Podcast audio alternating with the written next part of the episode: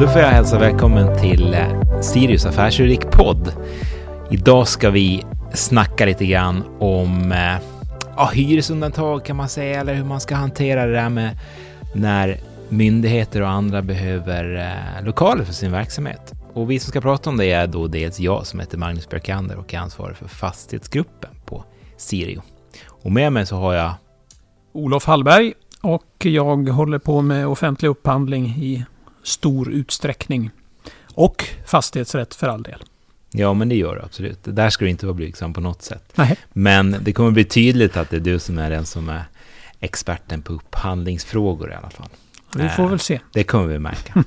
Nej, men det vi tänkte prata om lite grann, det är det behov som till exempel myndigheter, men andra, andra som, som identifierar sig med det extremt sexiga ordet upphandlande enhet. Va? Eller upphandlande myndighet heter det ju faktiskt enligt LOU. Ja, numera kanske det gör så. Ja. Det är jag som är gammaldags kanske. Ja. Eh, som, som behöver lokaler på ett eller annat sätt. Och då är det ju normalt sett så att myndigheter ska upphandla allting de behöver köpa av någon. Men inte just när de ska hyra någonting, för då finns det någonting som kallas för hyresundantaget. Ja. Så tänkte vi prata lite grann om hur det lirar i verksamheten, eller i verkligheten ska jag säga. Eller hur? Det stämmer bra det. Ja, eh, bra. Jag ska säga också att alltså, min lilla ingång till det här ämnet är min bakgrund som inte bara advokat, alltid. Utan jag har också jobbat på, eh, på fastighetsutvecklingssidan eh, i, i det övriga näringslivet. Och då råkade jag på det här ibland. Hur ska man hantera ifall det kommer en myndighet till oss, som hände några gånger, eh, mm. och ville ha någonstans att bedriva sin verksamhet och tycker att ja, men, kan inte ni fixa till lite nya lokaler till oss enligt våra specifikationer? Och då låter det ju som att eh, om ni ska hyra de där lokalerna av oss så ska inte det vara något problem, för det finns ett hyresundantag. Men så enkelt är det inte, eller hur? Nej, så, så, så är det faktiskt. Och eh, precis som du säger så, så utgångspunkten är ju att myndigheter ska handla upp och konkurrensutsätta precis all anskaffning de gör. Men sen finns det ju på, som vanligt när det gäller lagstiftning, ett antal undantag och där är hyresundantaget ett. Och att man har undantagit just hyresavtal, det är ju egentligen inte så konstigt eftersom när man hyr fastigheter eller lokaler i en, i en byggnad så det, det är ju ett, ett, ett, ställe som inte självklart går att konkurrensutsätta. Om, om en myndighet vill bedriva sin verksamhet på ett visst ställe, ja då finns det inte så många alternativ. Så att det är inte helt enkelt att, att eh, konkurrensutsätta ett hyresavtal och därför så finns hyresundantaget. Och då pratar vi om ett rent hyresavtal egentligen, det vill säga man går in och hyr en befintlig lokal, punkt. Mm. Men om man är polisen eller om man är eh, kriminalvården, då funkar ju sällan ett vanligt kontorsbyggnad eller eh, ett vanligt kontor för det. Liksom. Nej, och då, då kommer vi ju in i de här gråzonerna. kan, hur, hur mycket kan man då som myndighet säga att man vill att lokalen ska anpassas inom ramen för ett undantag? Och nu pratar vi fortfarande om befintliga byggnader. Och är det så att en myndighet då ser att det finns, här skulle vi kunna tänka oss att vara, men det kräver att den här lokalen byggs om för att passa vårt behov. Exempelvis eh, inte vet jag, räddningstjänsten, polisen, militärt, vad vet jag. Mm. Då hamnar man i den här frågan. Är det här ett rent hyresundantag? Eller är det här momentet av ombyggnation så stort att det blir en byggentreprenad istället? Och om det nu blir så att det är en byggentreprenad, ja då måste det handlas upp. Mm. Och, och vad då? Det är ju svårt att, det är svårt att upphandla liksom ett, då en... Eh, eh, huset har en tendens att stå still, liksom. det flyttar inte gärna på sig. Så vill jag vara på ett specifikt ställe, eh, ska jag då som, som eh, jag äger en, en fastighet och där vill absolut den här polisen eller den här räddningstjänsten som vi pratar om, vill jätte, jättegärna vara precis just där. Eh, ska jag då behöva tåla att om jag vill ha dem som hyresgäst så ska de få bestämma vem som ska, eller liksom upphandling ska få bestämma vem det är som ska bygga på min fastighet. Tycker jag att det är kul? Sannolikt inte. Men och det, det, här sätter ju fingret på den, den, springande punkten och då har vi lite grann gått över till, till mm, Alltså, det finns en del rättspraxis på det här området. Domstolar har tagit ställning till att när, när en myndighet bestämmer hur en byggnad ska se ut på någon annans fastighet, då kan man liksom inte gömma det i ett hyresavtal, utan då blir det en byggentreprenadeupphandling. Det är liksom utgångspunkten. Så ser mm. praxis ut idag. Ja. Sen har praxis glidit lite grann och idag så finns det faktiskt exempel på där man har kunnat skriva hyresavtal avseende en ännu icke uppförd byggnad. Men då har det varit fråga om mer, ja, vi kan kalla det generiska kontorslokaler. Mm. Där, där alltså myndigheten inte haft något större inflytande över, eller egentligen ingen, inget inflytande över lokalernas utformning. För man kan komma på några olika sätt att, att lösa problematiken om man nu vill upphandla ett, ett, eh, ett hyresavtal. Ja, då då finns det ju vissa fastighetsutvecklande aktörer som inte har någon egen byggverksamhet. De kan vara med och konkurrera på, på vilka villkor de är villiga att hyra ut en viss lokal som är utpekad. Men det måste också finnas en villighet att då gå med på den här eh, upphandlingen av själva entreprenaden sen. För då har man ju följt det som du sa innan, man gör fortfarande en entreprenad. Eh, och det förekommer ju på marknaden att, att liksom den lösningen tillämpas. Vi upphandlar Eh, eller vi kommer överens om hyresavtalet, vi behöver inte upphandla hyresavtalet, utan vi kommer överens om hyresavtalet med en lämplig hyresgäst och sen upphandlas hela entreprenaden. Då har vi liksom löst problemet. Är det liksom alltid en, en lösning som funkar eller vad finns det några issues med det också? Ja, man skulle vilja säga ja på den frågan, men riktigt så enkelt är det ju inte. Och just nu så det, det finns ett ett fall som nu ligger på förvaltningsrätten i Stockholms bord där Konkurrensverket faktiskt har eh, jagat eh, Domstolsverket. Och Domstolsverket valde i det fallet att göra ungefär som du säger, att man, man eh, kom överens med en fastighetsägare om att skriva ett hyresavtal avseende en ännu icke uppförd domstolsbyggnad. men Domstolsverket ska upphandla själva entreprenaden. Mm.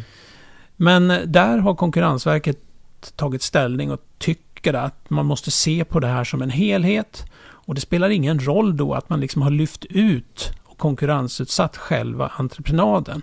Utan hyresavtalet och så finns det då också ett som kallas för genomförandeavtalet som på något sätt övergripande beskriver hela det här förfarandet. Och Konkurrensverket menar då att det här måste ses som en helhet och då faller det in under eh, ett entreprenadavtal. Mm. Och det kan man ju tycka vad man vill om, men och vi får väl se nu. Förvaltningsrätten har, kommer nog att meddela dom snart i det målet. Det är tillsynsärende. Ja, för, för det där beror ju på lite grann hur man ser på vad huvudsaken är. Om det är liksom ett, ett ekonomiskt perspektiv man lägger. Om man lägger fastighetsägarens perspektiv på, på sakerna. Eller man lägger liksom, om man tar eh, den upphandlande myndighetens perspektiv på det. För är man fastighetsägare, då är det ju värt jättemycket att få in en en myndighet som hyresgäst. Om man hyr en domstolsbyggnad så gör man inte det på ett halvår i taget, liksom, utan det är ju en, oftast en lång hyra, en väldigt, mm. en 100% säker hyresgäst. Ja. Så det är värt väldigt mycket ekonomiskt att få in den typen av hyresgäst när du ska värdera din fastighet som fastighetsägare. Mm. Eh, så från det perspektivet så skulle man ju kunna tycka att det är helt klart att det är hyresmomentet som är huvudsaken. Mm. Eh, hur, hur ser man på det? Liksom? Ja, det är klart att när man tittar på den här, det, det, blir ju någon typ av blandade kontrakt. Det finns en hyresdel, det finns en entreprenaddel och så finns det då någonting, eller resten, eller vad man kallar det, som kan innefatta exempelvis projektering, detaljprojektering och eh, någon slags projektledning under själva byggentreprenaden. För i de här uppläggen som vi nu diskuterar så är det ju så att när myndigheten väl har gjort sin entreprenadupphandling så lämnar man över, man överför alltså entreprenadavtalet till fastighetsägaren som mm. sen får då eh, styra själva entreprenadarbetena i enlighet med det genomförandeavtalet. Mm. Men de här tre avtalen tillsammans, då kan man ju säga då att hyresavtalet, ja det är undantaget. Entreprenaden, ja den handlas ju upp separat. Så de två kan man ju tycka, mm, i något avseende i alla fall, borde ju vara undantagna från det här. Mm. Och då återstår den här genomförande delen.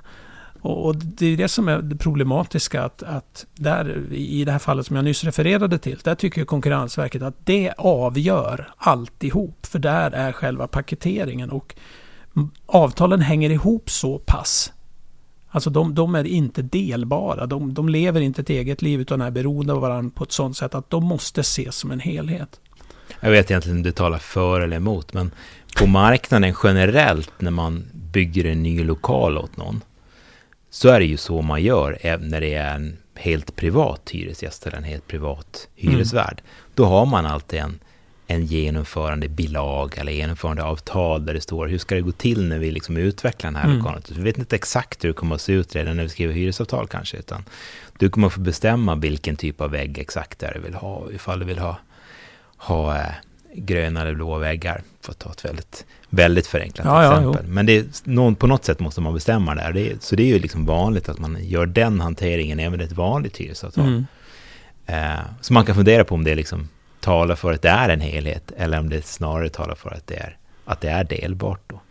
Men, men den här genomförande delen, om man ser det som ett, som ett moment av projektering, så i min värld så är ändå projektering en mindre del av en entreprenad. Även om det såklart hänger ihop med en entreprenad. Mm. Så att, ja, det ska bli intressant att se hur de, vad ja. de kommer fram till där. Ja. Nej, och, och här, kan man ju liksom teoretisera ganska mycket. Och, och eh, i, I lagen om offentlig upphandling och det bakomliggande direktivet har man ju liksom definierat vad är då en byggentreprenad i LOUs mening och upphandlingsrättsligt. Och då, då kan man ju sammanfatta, det är att realisera ett byggnadsverk. Det är liksom den term som, och, och det innebär då att ett rent projekteringsarbete, det anses inte vara en byggentreprenad. Mm. Däremot projektering och utförande tillsammans, det blir en byggentreprenad. Mm. Och det, det, är det här, det är det här området som, som, som jag antar Konkurrensverket nu rör sig när man driver den här frågan framåt. Mm. Men det är ju ändå så att den här lösningen som vi har beskrivit lite grann, alltså att eh, man kommer överens med ett hyresavtal och upphandlar entreprenaddelen. Det passar ju för vissa typer av fastighetsutvecklare. Jag beskrev dem tidigare. Det är de som inte har någon egen byggverksamhet eller har teamat upp sig med någon som har en mm. egen byggverksamhet.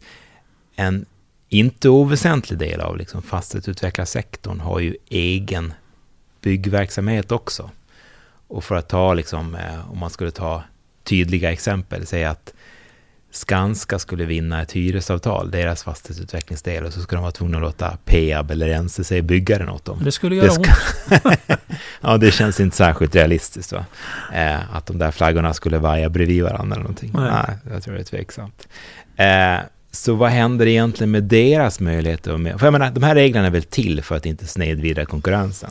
Ja, alltså, ytterst handlar det ju om att ta tillvara alla liksom, potentiella leverantörers rätt att vara med och konkurrera. Så är det Vilket innebär att gör man på det sättet, om det är den lösningen som jag har lite grann uppfattat som den vedertagna lösningen, eh, eller åtminstone en av de vedertagna lösningarna, eh, då utesluter man ju en del av marknaden genom att de här kan ju inte vara med och konkurrera i sådana fall. För de måste ju bygga med sin egen, med sitt eget byggbolag så att säga, om, man ska, om de ska vara med och utveckla. Ja, om, om man bara te teoretiserar lite grann kring det där så, så, kan man naturligtvis säga så här att ja, men lek då med, med att, ja, att Skanskas eh, fastighetsutvecklare eh, kan erbjuda ett hyresavtal. Vad, vad är det som hindrar att, att, att man går ut och handlar upp själva entreprenaden? Där deras systerbolag, bygg, byggdelen, är med och konkurrerar. Mm. Ja, nej, men alltså teoretiskt är det så, men i praktiken så skulle de ju aldrig kunna leva med, att, med risken att förlora.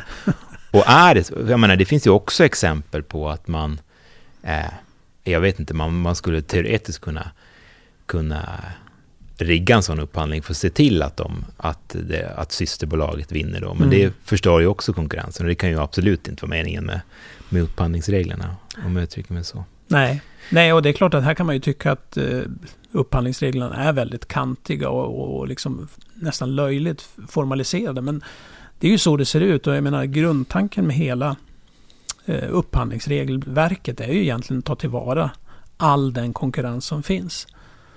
Mm. Um, jag var med en del ibland när jag var fastighetsutvecklare på en del upphandlingar och lyckades faktiskt till och med vinna några stycken. Har du häpna? Det ser man. Eh, men, men i alla fall, så alltså några av de saker som, som eh, förekom i, i, i de upphandlingarna, det var ju då att, att eh, man upphandlade själva hyresavtalet. Alltså man upphandlade ett hyresavtal trots att hyresavtal är undantagna. Mm. Man försökte upphandla en helhet. Mm. Um, finns det något problem med, liksom, med den lösningen? Nej, och, och det, det, är väl den som, när vi får frågorna här på, hos oss, hur, hur ska vi nu gå tillväga? Så då, då, då säger vi väl nästan alltid det att det, det riskfria sättet att lösa det på, det är att man handlar upp helheten. Man konkurrensutsätter allt egentligen då. Allt ifrån den geografiska placeringen till utformning av, av vem som ska bygga och, och, allt det här. Och det kan man handla upp som ett paket mm. naturligtvis. Och då, då handlar det om att utforma kraven på, på, på liksom ett korrekt sätt. Och då, utgångspunkten är ju att myndigheten, den upphandlande myndigheten, har ju väldigt stor frihet att bestämma kraven på, på det man ska handla upp. Men det, det, ska hela tiden vara då förenligt med, som det heter, de upphandlingsrättsliga principerna. Så att det ska vara proportionerligt och relevant. Och det får liksom inte innebära att man onödigtvis skär bort konkurrens. Nej. Och finns det något exempel på hur man har gjort det? För jag menar, du sa någonting om eh, liksom det geografiska området där fastigheten ska ligga. Hur ska man definiera ett liksom rimligt geografiskt område. För att den här, om du ska erbjuda ett hyresavtal så är det bra ifall du har rådet över den fastighet du vill hyra ut. Liksom. Ja, jo, så är det ju. No, och, och, och, återigen då, det, det beror lite grann på vad, vad eh, den upphandlande myndigheten har för behov. Och jag menar, handlar det om en myndighet som ska ha kontor i Stockholms innerstad, ja då, då förstår man ju att eh, då kanske man måste vara lite bredare när man beskriver var man ska vara någonstans. Handlar det däremot om, vet jag, kommunhus någonstans eller en brandstation. Ja, då måste man ju kunna ställa större krav på var eh, den här fastigheten geografiskt ska ligga. Om tar räddningstjänsten, ja det ska vara närhet till genomfartsleder kanske, det ska finnas andra kommunikationsmöjligheter. Så att det beror lite grann på, men, men eh, det finns ju exempel på där man har försökt att eh, skriva in i kraven att ja, det ska ligga x antal mil ifrån centrum, den byggnad vi vill ha. Mm. Och där har ju domstolarna varit lite...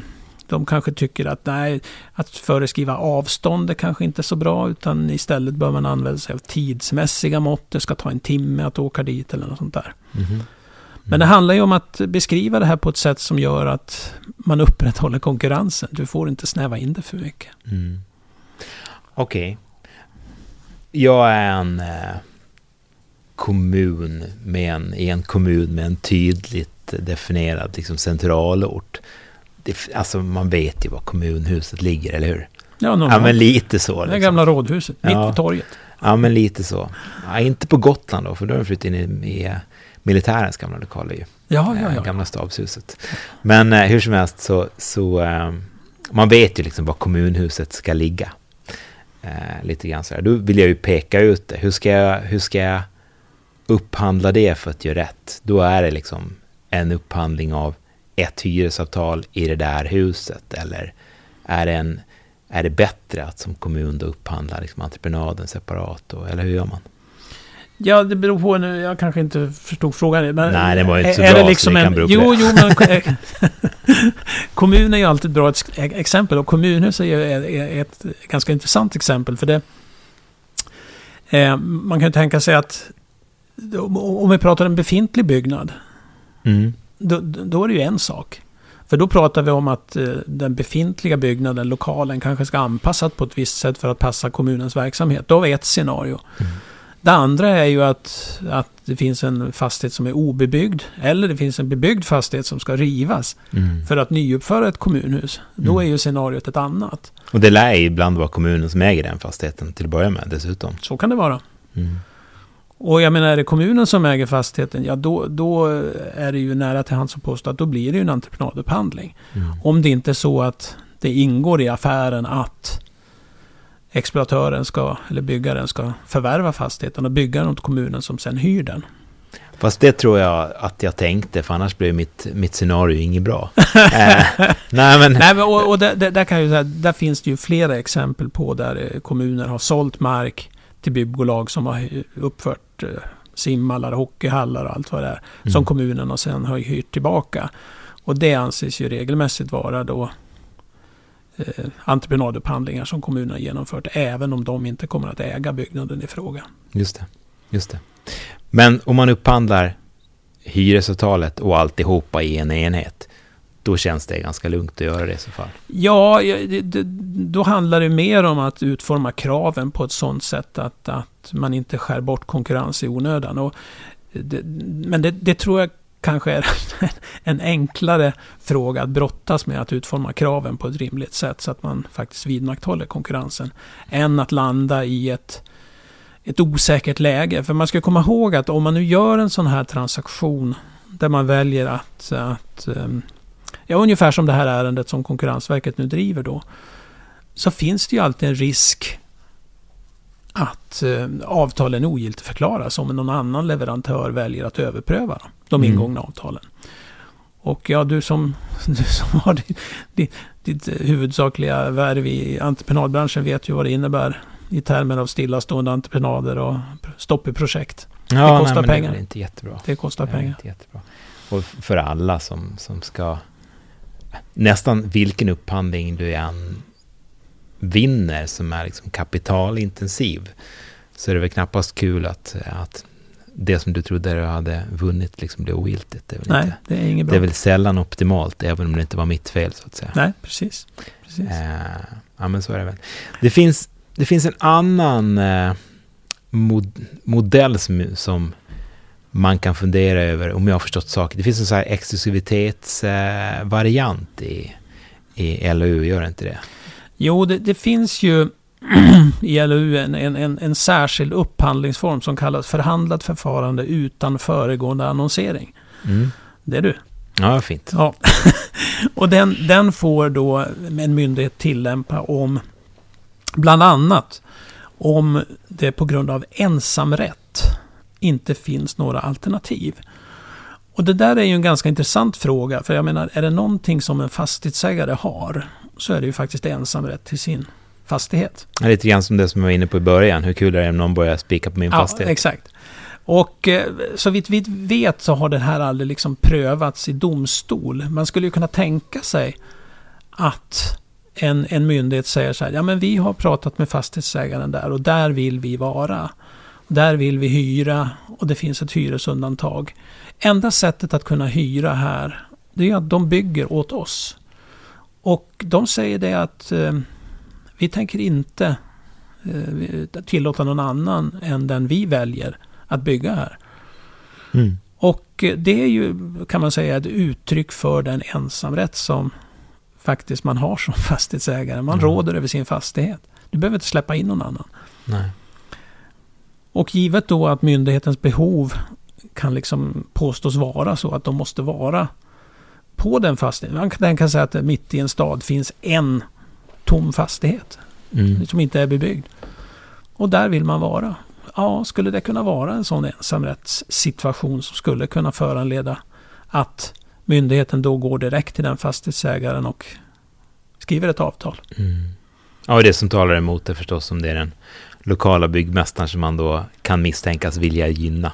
Så kan det vara. Så skulle ingen, så skulle ingen svensk kommun göra såklart. Men, men, eh, men så här, teoretiskt så skulle ja, ja. det, skulle Nej, det komma risken med det. Men, men på pappret ser det ut som att det skulle funka, men så vitt vi vet så har det inte prövats ordentligt. Nej, inte fullt ut. Det har åberopats i... Det, det finns ju flera mål eh, som, som, faktiskt fortfarande ligger oavgjorda, men... men och det, det, finns väl med som något... Men så vitt jag kommer ihåg nu så är det väl mer resonemangsvis det finns med. Men, men det vore intressant att få det prövat i domstol naturligtvis. Hur klar skulle du säga att rättspraxis är på det här området? Ja, inte liksom, alls. Hur är utvecklingen liksom? inte alls, nej. Ja, men man kan säga så här att, att ursprungligen så, så kom ju den mesta av rättspraxisen att handla om huruvida man kunde gå till en, en eh, fastighetsägare och säga jag vill hyra, bygg åt mig så hyr jag det du bygger. Mm. Och det har man väl konstaterat att, att eh, så, så, kan man ju inte göra egentligen då. Eh, sen har det ju utvecklats varianter av det här, det som du nämnde tidigare, att myndigheten väljer då att, att göra själva entreprenadupphandlingen. Mm. Man lyfter ur liksom det centrala momentet. Och så åberopar man hyresundantaget för att få skriva hyresavtalet. Mm. Och, och det, det, är ju, det är ju det som nu... Det finns flera fall då som är under prövning. Och då kan man ju fråga sig, om man nu har lyft ut själva entreprenaddelen, kan hyresavtalet då bli en förtäckt byggentreprenad? Mm. Och det är en ganska intressant fråga, för om man delar upp de här olika momenten så kan man ju konstatera att det består ju på något sätt av tre delar. Det är hyresavtalet, det är entreprenadavtalet och så finns det ju det här ja, genomförandedelen som man också då skriver med, med fastighetsägaren. Mm. Det vill säga att man kanske ska projektera tillsammans, man ska genomföra entreprenaden. Och det avtalet, ja det är ju inte ett byggentreprenadavtal. För det innebär ju inte att man realiserar själva bygg, bygget. Nej, Utan det är ju ett tjänsteavtal. just det. Och tjänsteavtalet eh, ska ju naturligtvis egentligen då handlas upp. Mm. Men om man tittar på det, tjänsteavtalet, och slår ihop det med hyresavtalet som då är undantaget. Och så tittar man då på den här huvudsaklighetsprincipen, om det nu är två olika avtalstyper som inte går att dela. Ja, då borde ju hyresavtalet, kan man tycka, vara det som avgör. Och eftersom det är då undantaget, ja då skulle allting kunna vara undantaget. Men det här är ju... Men synen på delbarhet och odelbarhet. Eh, Ja, den- I det här tillsynsärendet till exempel. Ja, det, det, det, det är väldigt oklart. Även om man läser det. Det, det är ju väldigt många inlagor och långa inlagor. Och det är, det, är lite svårt att se egentligen vad... vad men, men så vitt man får förstå då så menar ju eh, Konkurrensverket att det är odelbart. Alltså man måste se det här som en helhet. Mm. Och även om man naturligtvis kan dela upp det i de här tre delarna så, så hänger de ihop på ett sådant sätt att ett av avtalen ensamt fyller ingen funktion. Och eh, ja, vi får väl se vad... Ja, men så kan man tycka, men återigen då, om man tar perspektivet fastighetsägare, så är hyresavtalet världsmäst.